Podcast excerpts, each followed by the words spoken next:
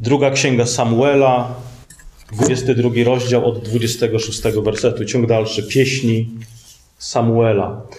Z łaskawym postępujesz łaskawie, z mężem nienagannym nienagannie. Ze szczerym postępujesz szczerze, z przewrotnym surowo. Lud uciśniony wybawiasz, oczy wyniosłych poniżasz, gdyż, gdyż Ty jesteś pochodnią moją, Panie. Pan rozjaśnia ciemność moją. Dzięki, gdyż dzięki Tobie przebiję się przez zgraje. Dzięki Bogu mojemu przeskoczę mur. Bóg jest doskonały w postępowaniu swoim. Słowo Pańskie spolegliwe. On jest tarczą dla wszystkich, którzy Mu ufają. Bo któż jest Bogiem oprócz Pana i któż jest skałą oprócz Boga naszego? Ten Bóg opasał mnie mocą i prostą uczynił drogę moją.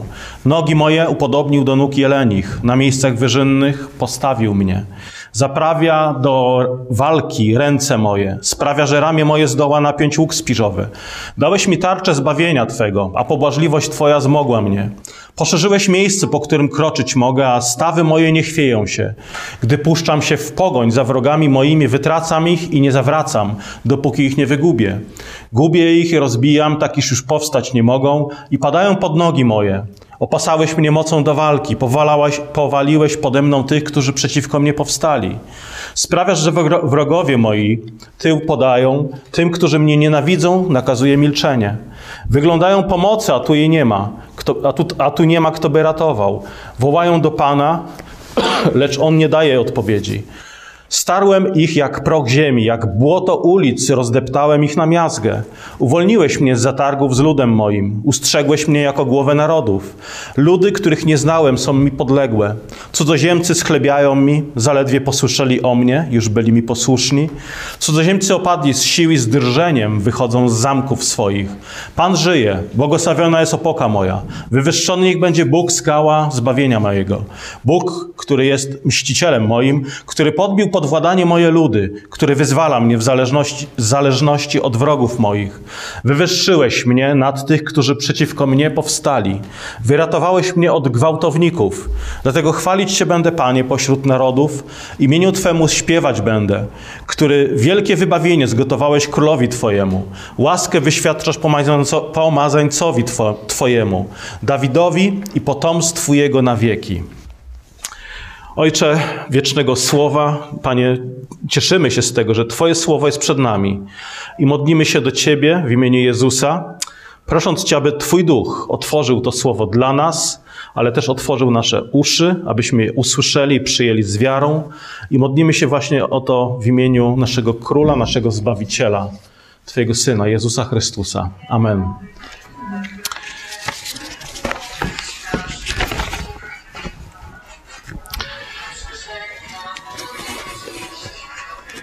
Dzisiaj przyjrzymy się y, drugiej części pieśni, czy też modlitwy, bo to różnie jest nazywane, y, Dawida. Chociaż y, ten urywek, cały 22 rozdział rozpoczyna się właśnie od stwierdzenia, że jest to pieśń. Czytamy, że gdy Pan wyrwał Dawida z ręki wszystkich jego nieprzyjaciół, Dawid wtedy napisał pieśń. Czyli tam ta pieśń y, została napisana potem, jak y, Bóg uwolnił Dawida y, z, ręki Saula i innych nieprzyjaciół. Jest to pieśń dziękczynna. Jest to pieśń dziękczynna, ale zwróćcie uwagę, co się w niej pojawia. Jest to pieśń dziękczynia, ale, ale jednocześnie, dla niektórych paradoksalnie, pojawia się opis Boga, który walczy. Walczy za swoje dzieci, walczy za Dawida, walczy za swój lud, czyli w pieśni dziękczynnej pojawia się bitwa, pojawia się walka i pojawia się w końcu uwolnienie i radość z uwolnienia. Pomyślmy, jak wiele, e, jak wiele współczesnych pieśni, śpiewanych również w kościele, w kościele naśladuje ten schemat.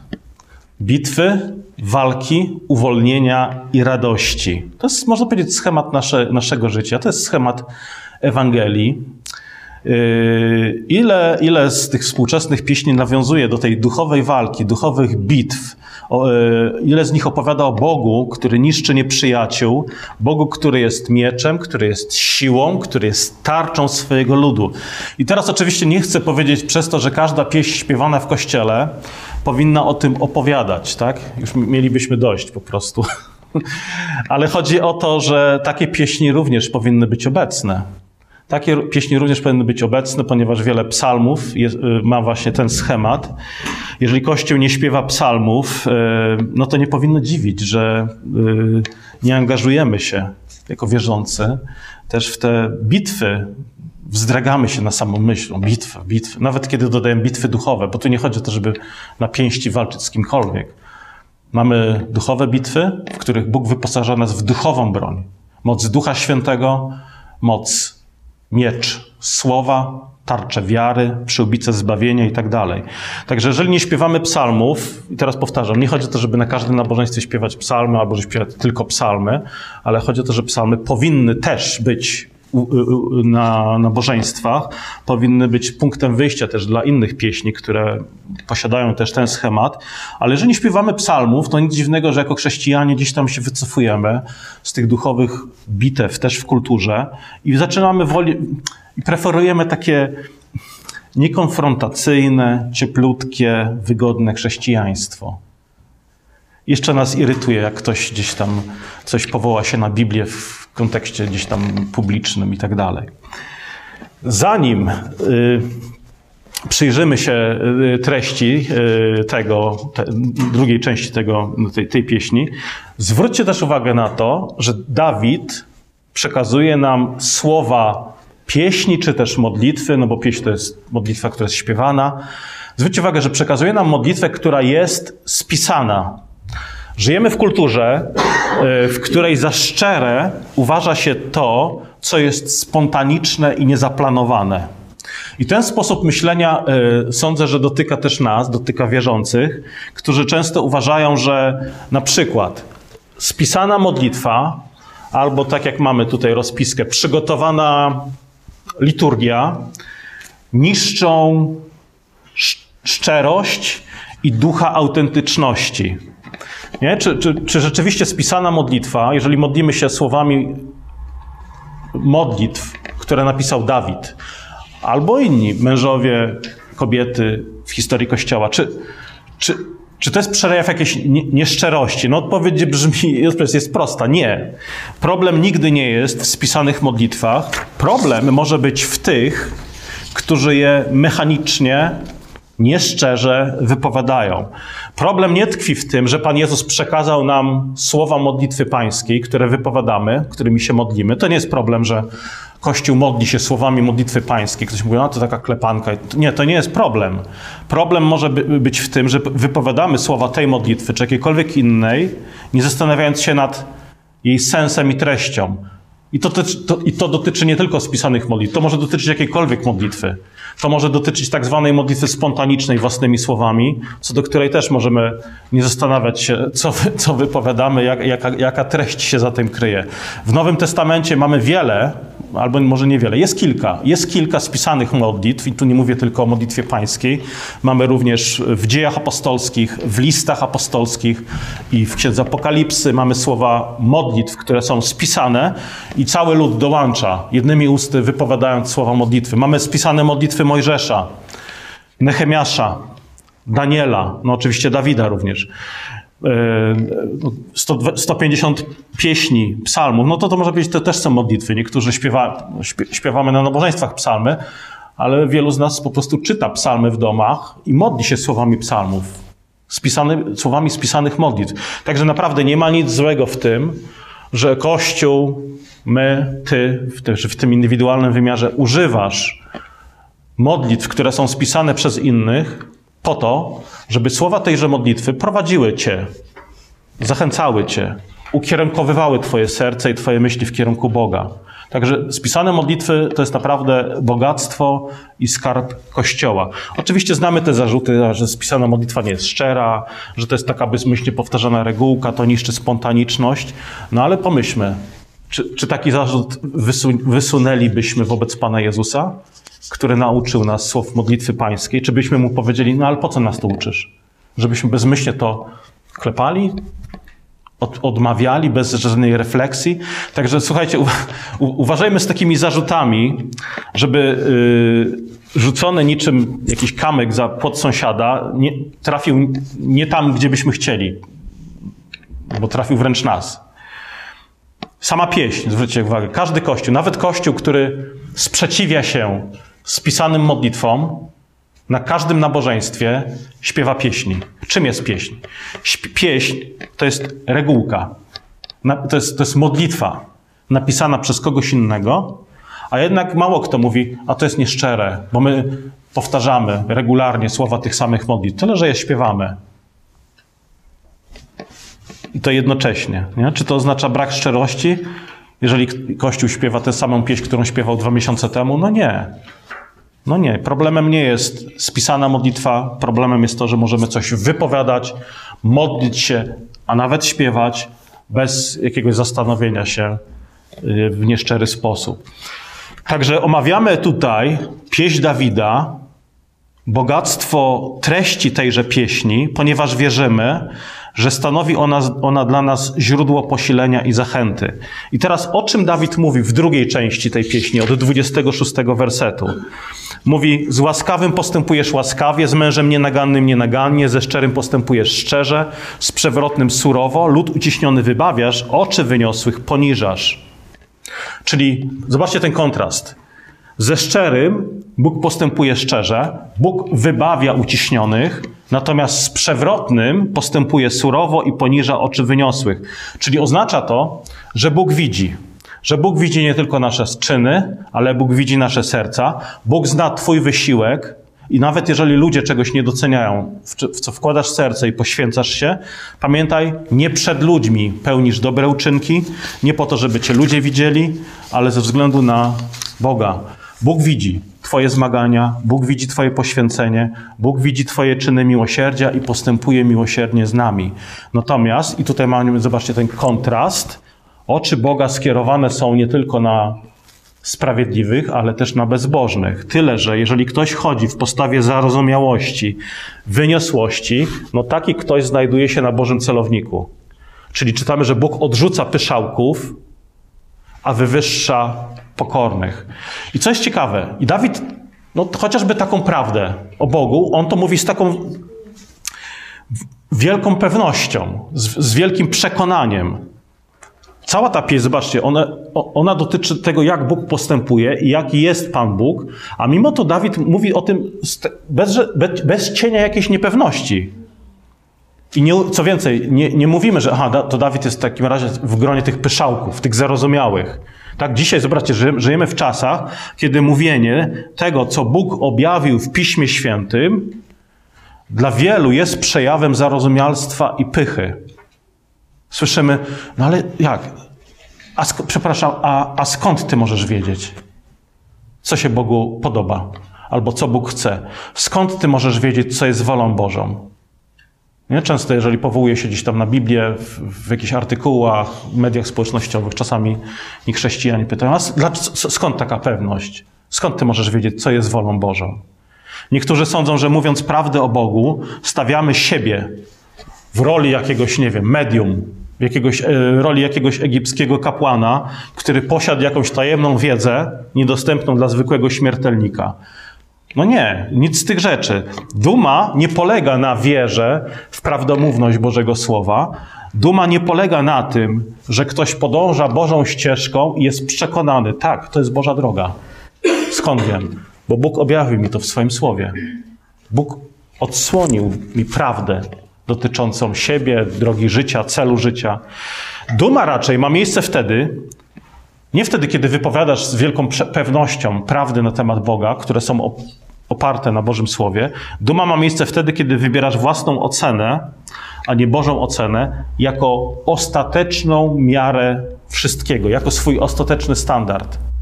Ja nie mówię, że nie mamy oceniać. Każdy z nas ma jakieś zdanie na, na jakiś temat. Problem zaczyna się wtedy, kiedy nasz rozum Nasz, naszą opinię traktujemy po prostu jako ostateczny standard tego, co jest prawdziwe, co jest nieprawdziwe.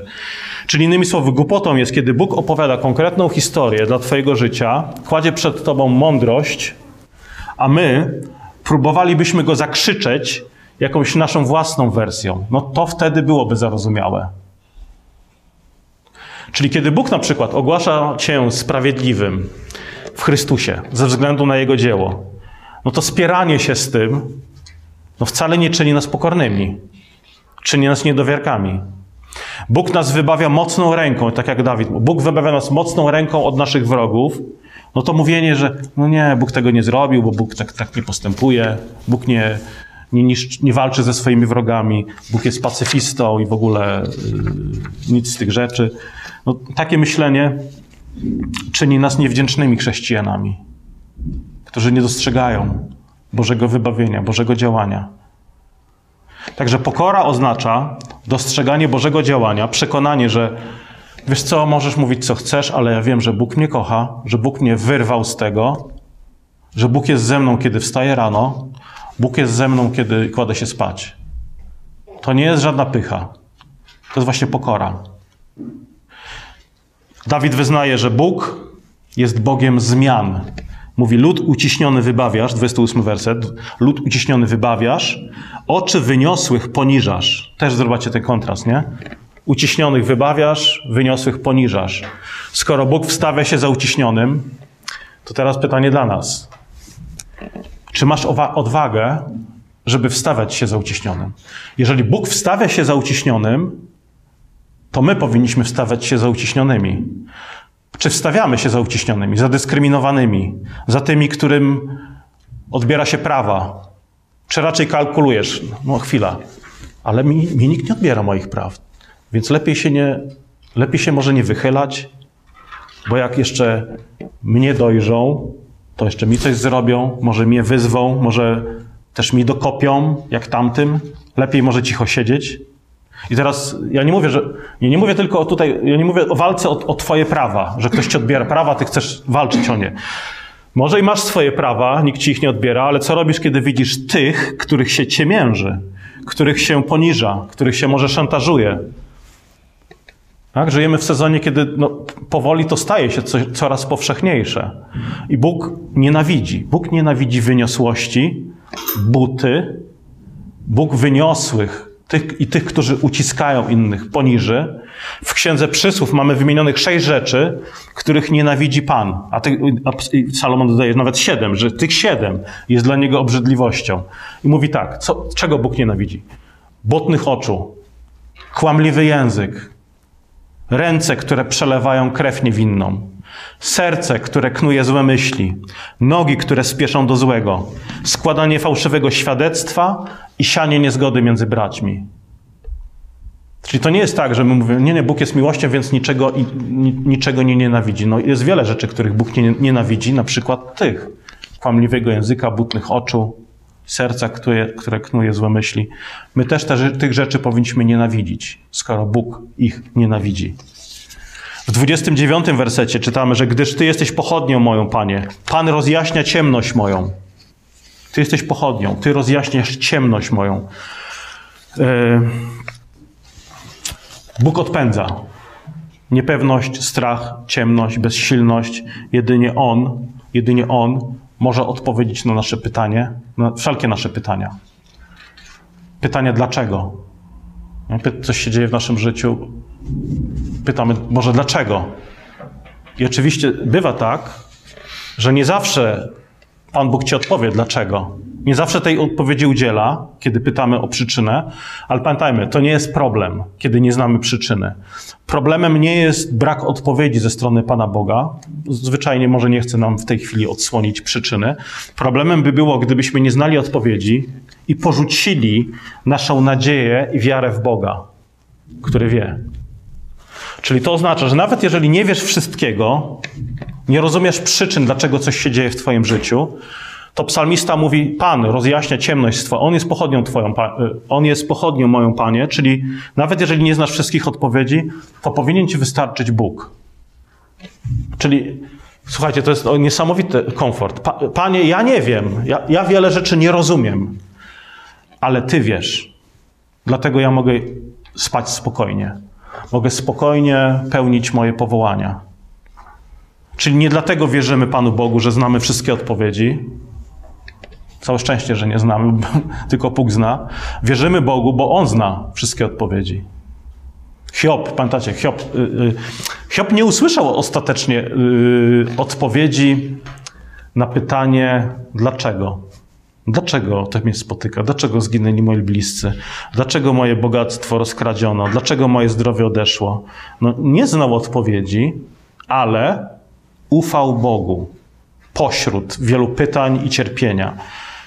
Po czym objawił mu się Bóg, czytamy końcówka, y, objawił mu się Bóg, który go przyjął i uznał za sprawiedliwego. Bóg wskazał na Hioba jako na wiernego sługę, który nie znał może przyczyn, ale trwał wierze, trwał przy Bogu. Pan rozjaśnia ciemność moją, to druga część tego wersetu. Mm, śpiewamy pieśń czasami, tak? Y, y, Jezu, Tyś jest światłością mojej duszy. Tam są takie słowa, niech ciemność ma nie przemawia do mnie znów. Śpiewamy, nie? Tutaj psalmista też mówi, Pan rozjaśnia ciemność moją.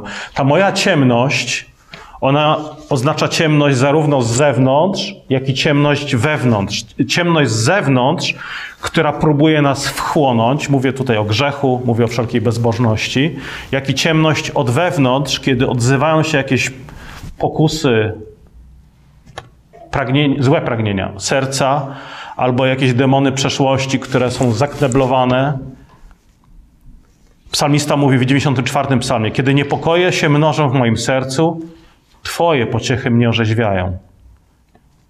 Czyli zobaczcie, nawet psalmista, człowiek, który żył blisko Boga, on mówi też o pewnych niepokojach. To nie jest tak, że człowiek wierzący jest człowiekiem, który nie przeżywa tych rzeczy. Niepokojów, trwóg, niepewności. Przeżywa. I psalmy dobitnie o tym mówią. Ale psalmista wyznaje szczerze, kiedy niepokoje się mnożą w moim sercu, to Twoje, Panie, pociechy mnie orzeźwiają. Bóg rozjaśnia nasze ciemności. Chodząc z Nim, chodzimy w światłości. Tak jak ktoś powiedział, albo Słowo Boże będzie Cię trzymało z dala od grzechu, albo grzech będzie Cię trzymał z dala od Słowa Bożego, od Boga. Jedno z dwojga. Trzydziesty werset. Gdyż dzięki Tobie przebiję się przez zgraje, dzięki Bogu mojemu przeskoczę mur. Czyli Bóg wyposaża nas do boju, On jest źródłem naszej siły. Psalmista mówi: Dzięki Bogu mam zwycięstwo. Nasza siła jest w Bogu, nie w nas. Bóg wspomaga tych, którzy Jemu ufają. Ci, którzy polegają na Nim, czerpią od Niego siłę i są najbardziej nieustraszonymi ludźmi na świecie. Yy, dalej psalmista mówi: Bóg jest doskonały w postępowaniu swoim. 31 werset. Bóg jest doskonały w postępowaniu swoim. Czyli innymi słowy, nie kwestionuj Jego wyroków i Jego działania. Możesz pytać, powinniśmy czasami pytać, Boże, dlaczego? Boże, nie rozumiem. Boże, czasami we mnie jest jakiś może wewnętrzny sprzeciw. Nie rozumiem, ale wierzę, Panie, że Ty czynisz ostatecznie dobre rzeczy. Również dla mnie, nawet kiedy ja dzisiaj tego może nie rozumiem. Także zobaczcie, Bóg, Bóg jest doskonały w postępowaniu swoim, co oznacza, że to nie jest tak, że człowiek jest miarą oceny Bożego działania. Hmm, tak? Niektórzy myślą tak, hmm, czy tutaj Bóg dobrze zrobił? Hmm, czy tutaj dobrze zrobił, zsyłając potop? Czy tutaj dobrze zrobił, nie wiem, wylewając sąd nad bezbożnością? Czy tutaj Bóg ma rację, kiedy powiedział to czy tamto? Bo według mojego kodeksu etycznego postąpił niewłaściwie. No nie. Czytamy, że Bóg jest doskonały w postępowaniu swoim, nie my. Znamy, znamy to powiedzenie, niech się dzieje wola nieba, z nią się zawsze zgadzać trzeba. I teraz e, to nie jest ani, ani rezygnacja, takie, o, no, takie mm, nawoływanie do bierności pesymizmu. To nie jest też nic komicznego. To jest po prostu pewna, pewna mądrość. Myślę, że jest tym mądrość, która rozpoznaje, że ja ty nie jesteśmy pępkiem świata i miarą wszystkich rzeczy. To Bóg. Bóg jest doskonały w postępowaniu swoim, mówi psalmista. Bóg wie, co czyni. My często nie mamy właściwego oglądu sytuacji, potrzebujemy właśnie tego objawienia z góry w Piśmie Świętym. I właściwą odpowiedzią jest po prostu cierpliwość pośród ucisków, wiara pośród trudności. Bóg widzi i wie, Miej wdzięczność, tak jak Paweł mówi, za wszystko dziękujcie, co bywa trudne też pośród ucisków, ale zachowujmy cierpliwość i wiarę, bo Bóg jest doskonały w postępowaniu swoim. Słowo Pana jest spolegliwe, dalej mówi psalmista. Słowo pa Pańskie jest spolegliwe. Czyli Dawid stwierdza, że w tym świecie, w którym wszystko się porusza, wszystko się zmienia, wszystko przemija, E, gdzie nawet nasze odczucia, które mieliśmy tydzień temu, już są nieaktualne, gdzie nasze odczucia, które często nas ma, czasami, nie często, no, czasami nas mamią, oszukują, to psalmista mówi, pośród tych wszystkich zmienności w naszym życiu jest coś, co jest pewne. To jest ogromny komfort. Y, nie wiem, jak dla Was, dla mnie to jest ogromna pociecha, że, że jest Słowo Boże, które jest niezmienne. Nie? Czy, czy dokonaliśmy te, już tego odkrycia, co Dawid, że Słowo Boże jest spolegliwe, jest mocne i pewne jak skała. Ono przemienia nas, nasze domy, ono przemienia Twoją historię ze złej w dobrą, ono przemienia narody i historię. Yy, Wiele rzeczy jeszcze się może zmienić w Twoim życiu i zapewne się zmieni. Ale Słowo Boże trwa. Ono jest pewne i spolegliwe. Zawsze możesz skierować się do niego z przekonaniem, że a, mój Pan nie zmieni zdania. Mój Pan się nie rozmyśli. Mój Pan ukochał mnie, ukochał do końca i się nie rozmyśli. On jest tarczą, mówi dalej Dawid. On jest tarczą dla wszystkich, którzy mu ufają. Takiej tarczy nic i nikt nie roztrzaska. Przez taką tarczę nic się nie przyciśnie, dlatego możesz iść dzisiaj, każdego dnia, spokojnie spać. Możesz spokojnie iść do pracy, możesz odważnie toczyć duchowe bitwy, bo Bóg jest naszą tarczą. 32 werset. Któż jest Bogiem oprócz Pana i któż jest skałą oprócz Boga naszego? Któż jest skałą oprócz Boga naszego? Któż jest Panem? No nie ma. Nie ma innego Boga. Starożytni szukali tak zwanego arche, starego punktu, takiego nieporuszalnego punktu, który wszystko wprawia w ruch, no ale nie znaleźli. To, nie wiem, czy to ch chyba Archimedes powiedział, że dajcie mi punkt y, oparcia, a podniosę ziemię. No ale wiadomo, no, no, nikt nie jest w stanie dać nam takiego punktu podparcia dla naszego życia, ani pokoju, ani od, odpoczynku. W tym świecie jest tylko jeden, który się nie zmienia, nie rozmyśla i wie wszystko. A tym kimś jest trójjedyny Bóg. I zobaczcie, że Dawid tutaj mówi, no, któż jest tym Bogiem oprócz Pana, skałą oprócz Boga i tutaj dodaje naszego. Mówi Boga naszego. To też określenie. Wcześniej mówił Boże mój. To też mówiliśmy, to stwierdzenie mój wskazuje na, to, na tą bliską relację Dawida z Bogiem. Tutaj mówi Boga naszego. A to dlatego, że słowa tego, tej pieśni, słowa psalmów śpiewamy też wspólnie. Mówimy Boże mój, ale kiedy gromadzimy się jako Kościół, mówimy też Boże nasz. Czyli wiara chrześcijańska to jest wiara wspólnoty. To jest Twoja wiara, ale to, to, jest też, to jest również Twoja wiara wraz z bratem i siostrą, którzy są obok. I co ważne, nasza wiara to jest wiara w naszego Ojca, naszego Ojca, naszego Boga. Nie? Zobaczcie ten, ten osobisty ton, że Dawid wskazuje na bliskość Boga. To nie jest, Bóg to nie jest jakaś odległa pierwsza przyczyna. Nigdzie Biblia tak o Bogu się nie wypowiada. Chyba, że Grecy, gdzie Paweł cytuje tam y, Greków, filozofów greckich, nie? Ale nie mówimy, że Bóg to jest najwyższy byt, to jest pierwsza przyczyna. Nie, mówimy, Bóg jest Ojcem naszym, moim, jest Bogiem moim. 33 werset. Ten Bóg opasał mnie mocą i prostą uczynił drogę moją. Znowu, ten Bóg. Jaki Bóg? No nasz Bóg, trójjedyny Bóg. Nie ma innego. 34 werset. Nogi moje upodobnił do nóg jelenich, na miejscach wyżynnych postawił mnie. Czyli znowu, nie potykam się na trudnym terenie. Radzę sobie całkiem dobrze na trudnym terenie, na miejscach wyżynnych. Mówi, postawił mnie. Nogi moje upodobnił do, no, do nóg jelenich. W księdze Habakuka 3,19 czytamy: Wszechmogący Pan jest moją mocą, sprawia, że moje nogi są chyże, jak nogi łani i, yy, i pozwala mi kroczyć na wyżynach. Czyli z Bogiem możesz przejść przez najtrudniejsze szlaki w swoim życiu. I nie tylko On cię prowadzi, ale czytamy w 35 wersecie. Zaprawia do, do walki ręce moje, sprawia, że ramię moje zdoła napiąć łuk spierzowy. I 36 werset tutaj akurat tłumaczenie Brytyjki nie jest najlepsze. Na przykład w Biblii Gdańskiej, czy Biblii Tysiąclecia też, 36 e, werset brzmi tak. Dałeś mi też tarczę zbawienia swego, a Twoja dobrotliwość uczyniła mnie wielkim. Dałeś mi tarczę zbawienia, a Twoja dobrotliwość uczyniła mnie wielkim. Czyli Dawid mówi, Bóg jest wojownikiem, ale Bóg czyni nas, z nas, wojowników dla siebie. Przebywając w Bożej obecności, jesteśmy wyposażeni w tarczę i miecz, stajemy się mężni i odważni.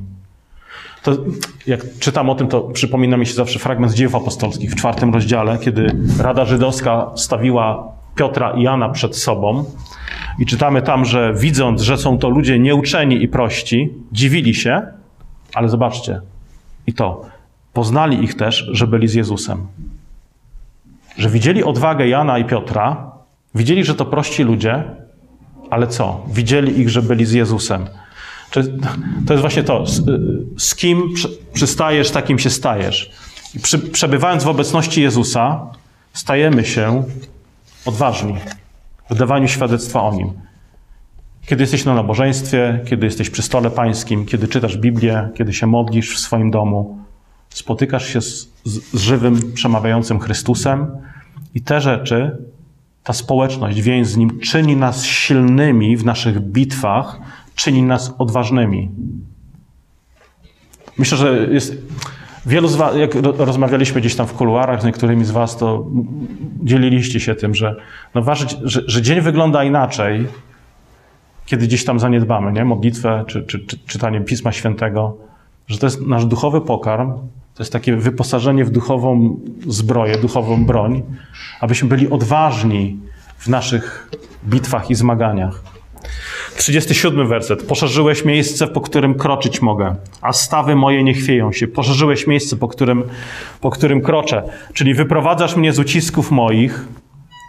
Już nie jestem zamknięty w klatce moich strachów, mojej bojaźni. Nabrałem pewności. Poszerzyłeś miejsce, po którym mogę kroczyć, mówi Dawid. Nabrałem pewności nie tyle siebie, ale pewności Boga, że na nim można polegać, że on jest ze mną, że w nim jest moja moc i moja odwaga.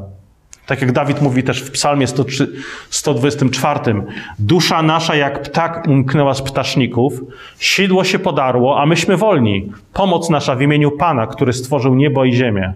My też to mówimy. Nasza pomoc jest w imieniu Pana, który stworzył niebo i ziemię. Nie jesteśmy, nie musimy się bać, nie, nie jesteśmy zamknięci w klatkach naszych obaw i strachów.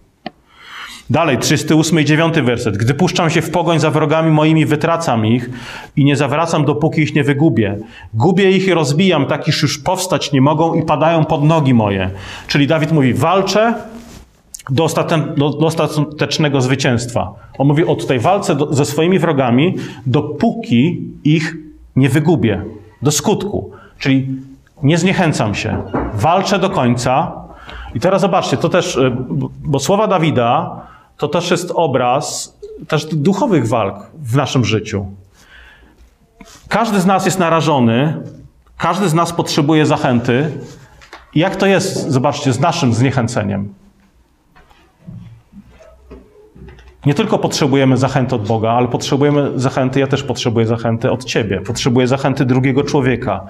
Jeżeli chcesz kogoś zachęcić, doceń na przykład czyjś wysiłek, doczeń cudzą służbę, pracę, wierność. Potrzebujemy drugiego, potrzebujemy siebie nawzajem, choćby po to, żeby powiedzieć komuś: dobra robota.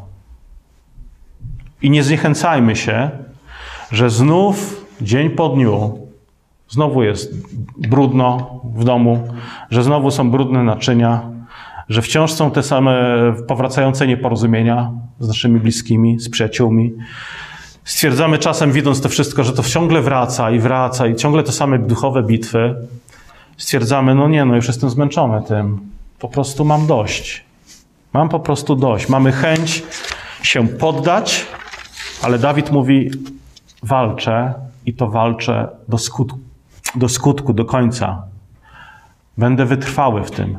A słuchajcie, a wytrwanie oznacza trwanie, kiedy boli. Wytrwanie oznacza, no czasami wytrwanie jest łatwe, kiedy świeci słońce, ale czasami boli. Wytrwanie to jest, to jest trwanie czasami w obliczu cierpienia i bólu.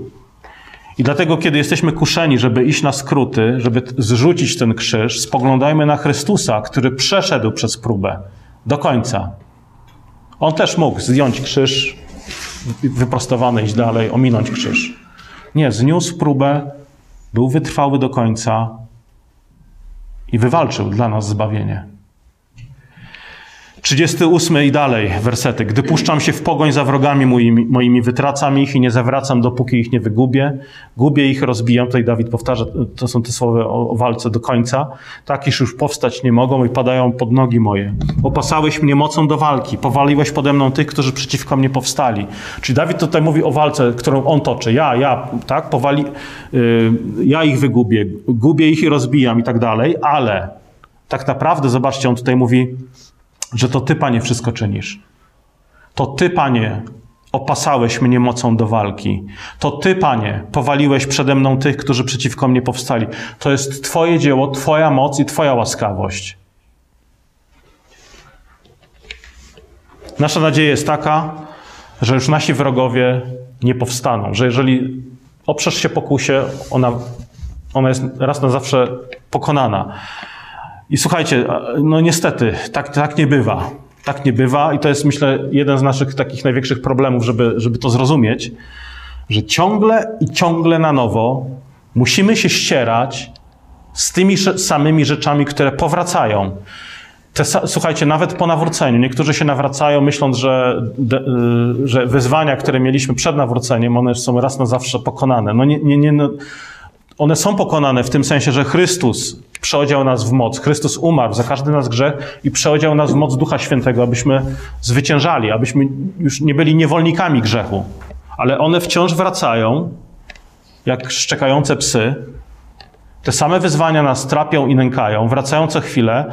Wydaje się, że już jest dobrze, że już jest dobrze, minął jakiś czas, żeby za chwilę okazało się, że te same rzeczy znowu uderzają bardzo mocno w naszym życiu. I teraz pamiętaj, po pierwsze, nie jesteś w tym sam. Jeżeli pewne rzeczy z przeszłości wracają do ciebie, nie czuj się winny. Jezus też był kuszony, ale pamiętaj, że nie przeżywasz niczego nadzwyczajnego, co nie jest udziałem innych. Inni doświadczają tego samego. To mogą być inne rzeczy. Inne rzeczy nas uderzają, kiedy wracają, ale przypomnij sobie te wersety.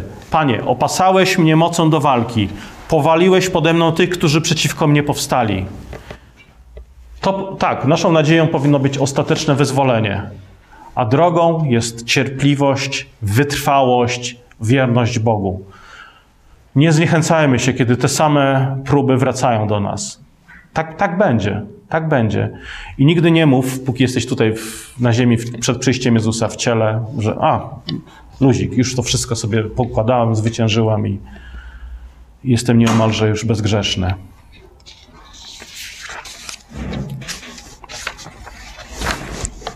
Sprawiasz, że wrogowie moi tył podają, tym, którzy mnie nienawidzą, nakazuje milczenie. Wyglądają pomocy, a tu nie ma, kto by ratował. Wołają do Pana, lecz On nie daje odpowiedzi. Starłem ich jak proch ziemi, jak błoto ulic, rozdeptałem ich na miazgę. To jest znowu to mocne słowa Pawła, yy, Dawida. Przesłanie tych wersetów jest takie: tylko ci, którzy są z Dawidem, przeżyją. Ci, którzy trzymają się Dawida, ocaleją. Tylko ci, którzy przylgnęli do syna Dawidowego, bo to jest też psalm, e, wszystkie psalmy wskazują na Chrystusa. Ci, którzy przy, przylgnęli do syna Dawidowego, do Chrystusa, ocaleją, zwyciężą i odziedziczą życie wieczne. I Dawid tutaj mówi o klęsce tych, którzy go nienawidzą. On tutaj nie mówi o milusich ludziach, o pokojowo nastawionych ludziach. Mówi o tych, którzy są jawnie wrogo usposobieni. W Księdze Apokalipsy mamy opis wielkiej radości w niebie z powodu sprawiedliwości Bożego Sądu nad bezbożnymi, którzy są pijani krwią świętych. I w niebie jest radość z powodu tego, że Bóg wylewa swoją sprawiedliwość. Jezus zniszczy nieprzyjaciół i da wyzwolenie swojemu ludowi. I to nie jest powód zamartwienia, ojej, zniszczy nieprzyjaciół, ojej, a co oni czują? Nie, to jest radość. W niebie jest radość, że Bóg osądził pijanych krwią świętych. I na koniec ostatnie wersety przeczytam jeszcze. Pan żyje, błogosławiona jest opoka moja, 47 werset. Wywyższony niech będzie Bóg, skała zbawienia mojego. Bóg, który jest mścicielem moim, który podbił podwładanie moje ludy, który wyzwala mnie z zależności od wrogów moich. Wywyższyłeś mnie nad tych, którzy przeciwko mnie powstali. Wyratowałeś mnie od gwałtowników. Dlatego chwalić Cię będę, Panie, wśród narodów. Imieniu Twojemu śpiewać będę, który wielkie wybawienie zgotowałeś swojemu ludowi. Łaskę wyświadczasz pomarzańcowi swemu Dawidowi i potomstwu jego na wieki. Czyli Dawid wyznaje, Bóg żyje.